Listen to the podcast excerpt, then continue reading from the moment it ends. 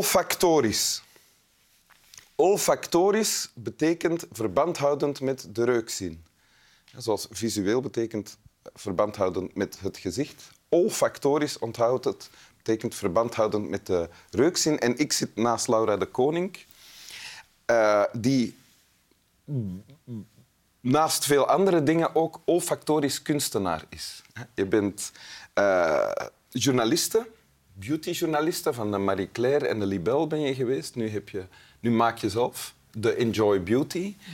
en, um, en je bent ook beeldend kunstenaar. En sinds, ik weet niet hoe lang, tien jaar of zo... Uh, beeldend kunstenaar? Nee, uh, olfacto ah, oh, nog, maar, nog maar net eigenlijk. Heel nog maar net? Ja, ah, ja, ja. In, uh, 2020 afgestudeerd, ja. Oké, okay. want je hebt een opleiding gevolgd. Uh... Ja, ik heb een master in olfactory art gevolgd aan de PXL Hogeschool in Hasselt, onder leiding van Peter de Kupere. Ah, ja. Die geurkunstenaar is en die dus daar zijn eerste opleiding staat. En je hebt ook al projecten lopen, heel binnenkort, of misschien is het nu al, in Rome... Ja, ik ben geselecteerd voor een uh, tentoonstelling uh, NASA Bellarte. Uh, en dat ja, met een, een grote installatie. die, een, een, grote moederborst eigenlijk in, in roze plush. En die heeft de geur van moedermelk die ik ben gaan reconstrueren in Parijs aan een parfumhuis. Dus, uh, en jouw idee is dat dat een troostend effect zou kunnen hebben? Ja, ik uh, ben vooral geïnteresseerd in ook de uh, helende aspecten of de, de, hoe dat geuren gelinkt zijn aan onze, aan onze herinneringen en ja. in staat zijn om ons zo naar een gebeurtenis terug te nemen waar dat we misschien uh, waar dat we ons niet meer zo bewust van zijn. Ja. En de geur van moedermelk is de eerste geur die we kenden. Je gaat dan terug naar de symbiose met de moeder, uh, het gelukzalige gevoel, uh, de eenheid voor de scheiding van die moederborst, waar dat de psychoanalyse... En is dat dan één heel grote borst die je hebt? Het is een gigantische, ja? een gigantische roze plusje uh, installatie in een heel zachte stof. Zo ah, echt je kunt jezelf daar dan helemaal uh, induwen? Nog zachter dan een hond. En je kunt die echt helemaal omarmen. Ah, ja. Mijn armen zijn veel te kort om die helemaal vast te houden. Wow, dus, cool. uh, zelfs al ken je het verhaal niet of de dingen... Mijn zoon bijvoorbeeld heeft, toen dat die installatie of, dat die in mijn atelier stond, stond hij echt te zwemmen ongeveer op de borst. Echt waar, Dat hij zelf ook zo'n zo zoiets in zijn kamer wou om, uh, om aan te hangen. Ja. En je bent ook, want we zijn eigenlijk nog altijd bezig aan het inleidend gesprekje, je bent ook natuurlijk de dochter van Herman de Koning. Ja. Uh, en je hebt een gedicht meegebracht van je papa. Wil je dat voorlezen? Ja, ik zal het voorlezen. Ja, ja. Slaapliedje voor Laura Ingigaro.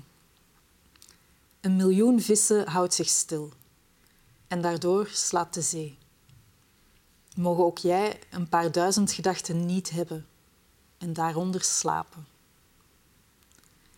Ik heb ze voor jou gehad, en soorten verdriet. Ze waren de moeite niet. En mogen je ontwaken door vogelgekwetter. God is vertaald in het Hebreeuws, maar dit is naar de letter slaapliedje voor Laura in Gigaro, zeg ik het zo? Ja. Ja. Jij bent de Laura van, uh, ja, van in de titel natuurlijk. Je, je, leest het voor, niet, dit is geen bundel of het is gewoon één... Het is een uitgave die hij speciaal heeft laten maken voor mijn 18e verjaardag. Dus het is met hand geschept. Het is helemaal... Uh, um, ja, uh, dus artisanaal uh, gemaakt met de hand uh, en gedrukt in relief. Dus de vissen van het gedicht staan hier ah, ja, ja. ergens van voor in een dieptedruk zo ja. gedrukt. Ja. Dus het was een, een cadeautje. Echt een, alleen dit gedicht heeft hij toen voor mijn 18e verjaardag cadeau gegeven. Dus dat is een, een mooi. En hij is ook datzelfde jaar eigenlijk gestorven oh, toen ik 18 was. Dus het is wel een, uh, ja, een gedicht dat ik er aan hecht. En, uh, dat het is een bijna mooi... een afscheidsgedicht. Ja, ja, toen wisten we dat nog niet, maar, want hij is heel plots overleden. Hè, maar ja. ja, achteraf gezien is het echt zo wel iets, uh, ja, een afscheidscadeau. Ja. En, en wat staat er in het gedicht? Slaapliedje voor Laura in Gigaro. Gigaro is Gigaro. een plaats? Ja, dat is eigenlijk de plek waar we altijd op vakantie gingen. Uh, dus Christine Hemrecht, zijn, mijn stiefmoeder eigenlijk, die had daar met haar uh, familie een huisje. Dus haar ouders hadden daar een huisje gekocht. En dat is een ongelooflijk idyllische plek op aarde. Dat lijkt echt een beetje op een, een aards paradijsje ja. uh, in het zuiden van Frankrijk. En, um, een moederborst in natuurvorm. Eigenlijk, eigenlijk wel. Ja. ja. En de geur daar is echt de lekkerste geur op aarde. Oké. Ja. Um, en dus hij kwam daar ook ontzettend graag. Ik ga daar ook nog steeds naartoe, omdat het, uh, dus het huis is ondertussen jammer genoeg verkocht. En, uh, maar we blijven ook, hè, met mijn kinderen, ik wil ook aan hen meegeven, we blijven naar die plek gaan. En ik zie hem daar ook nog altijd lopen eigenlijk. Hij is ja? er heel erg aan verbonden. Um, maar het is gewoon een, een, fantastische plek. En zelfs in mijn hoofd of zo geeft het al rust om te weten van die plek bestaat. Als het, ik kan altijd daar naartoe en dan daar is alles ja. uh, in orde. En, uh... Waar ik aan moet denken als ik het gedicht lees, of de, de eerste regels in elk geval, een miljoen vissen houdt zich stil en daardoor slaapt de zee. Mogen jij ook een paar duizend gedachten niet hebben en daaronder slapen, dan denk ik aan mijn kinderen toen die klein waren. En als een kind, een jong kind slaapt, is het zo onnoemelijk rustig. Mm. En kwetsbaar tegelijk. Ja, ik, ja, vind ik ook. Ik vind ook uh, dat je zegt, uh, ik heb ooit een, een, schilderij gemaakt over. Ik vroeg me af, wat is nu eigenlijk het toppunt van onschuldigheid. Zo. En dat was voor mij ook het symbool van een, een, kind dat slaapt. Dat is zo vredig en zo... En ook als ouder, als je zo weet... Ik ben s'avonds ook... Ik, ik heb twee kinderen.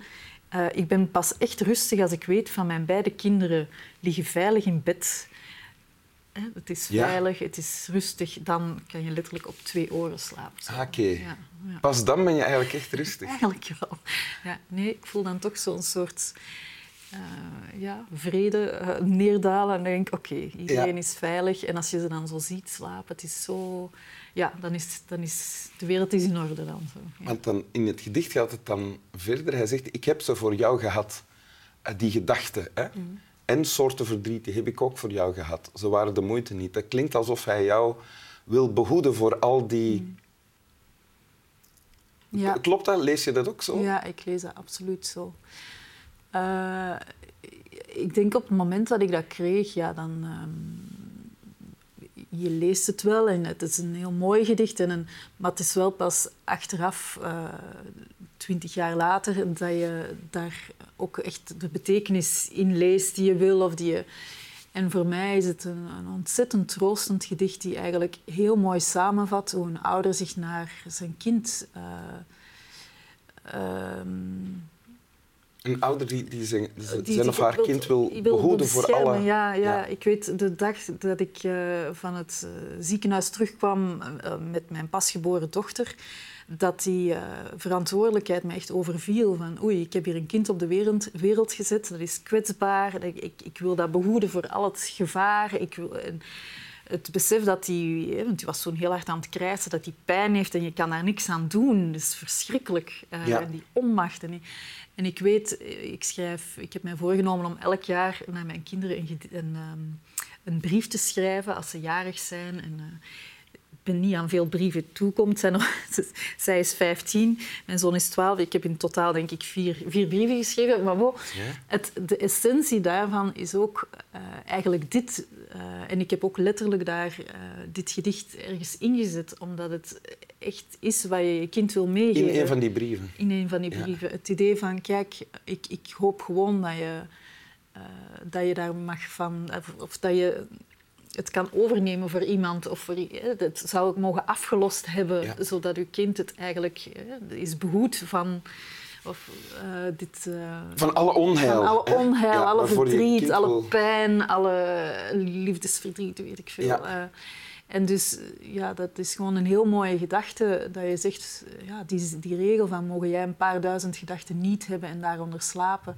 Ik heb ze voor jou gehad, een soort verdriet, ze waren de moeite niet. Dat is exact ja, wat je wil Ik vraag me af, als, je, als je dit dan voorleest of gewoon voor jezelf leest of jezelf uh, herinnert, want misschien ken je het wel uit het hoofd, het mm. gedicht, uh, Voelt het dan alsof hij aanwezig is, je vader? Want het is al meer dan twintig jaar geleden dat hij gestorven is. Ja, ik voel die heel erg aanwezig altijd, zowel. Ja, Zo, sowieso altijd. ja, die, Ah, ja. Is, die is er ergens bij. Al is het in mij waarschijnlijk, hè, maar ik, ik, ik, ik heb het idee dat hij dat die wel onder ons is. Dat hij er nog heel erg Is is. hij hier zo? Ja, niet dat hij hier... Maar ik denk, die, die, leeft wel, die leeft wel met mij mee ergens. En, en Ja, met mij ook. voilà, Tof, hè? fijn dat te horen. Ja. Wil je het nog eens voorlezen? Ik zal het nog eens voorlezen.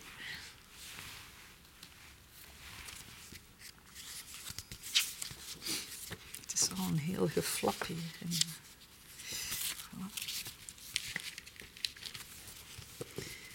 Slaapliedje voor Laura in Gigaro. Een miljoen vissen houdt zich stil en daardoor slaapt de zee. Mogen ook jij een duizend gedachten niet hebben en daaronder slapen. Ik heb ze voor jou gehad. En soorten verdriet. Ze waren de moeite niet. En mogen je ontwaken door vogel- vogelgekwetter. God is vertaald in het Hebreeuws, maar dit is naar de letter. Dank u. Stap wel.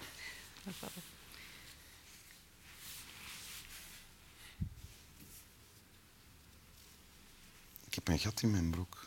Oei, Hier zie je het. ja. Een mot. Ja. Gewoon mijn hand zo leggen.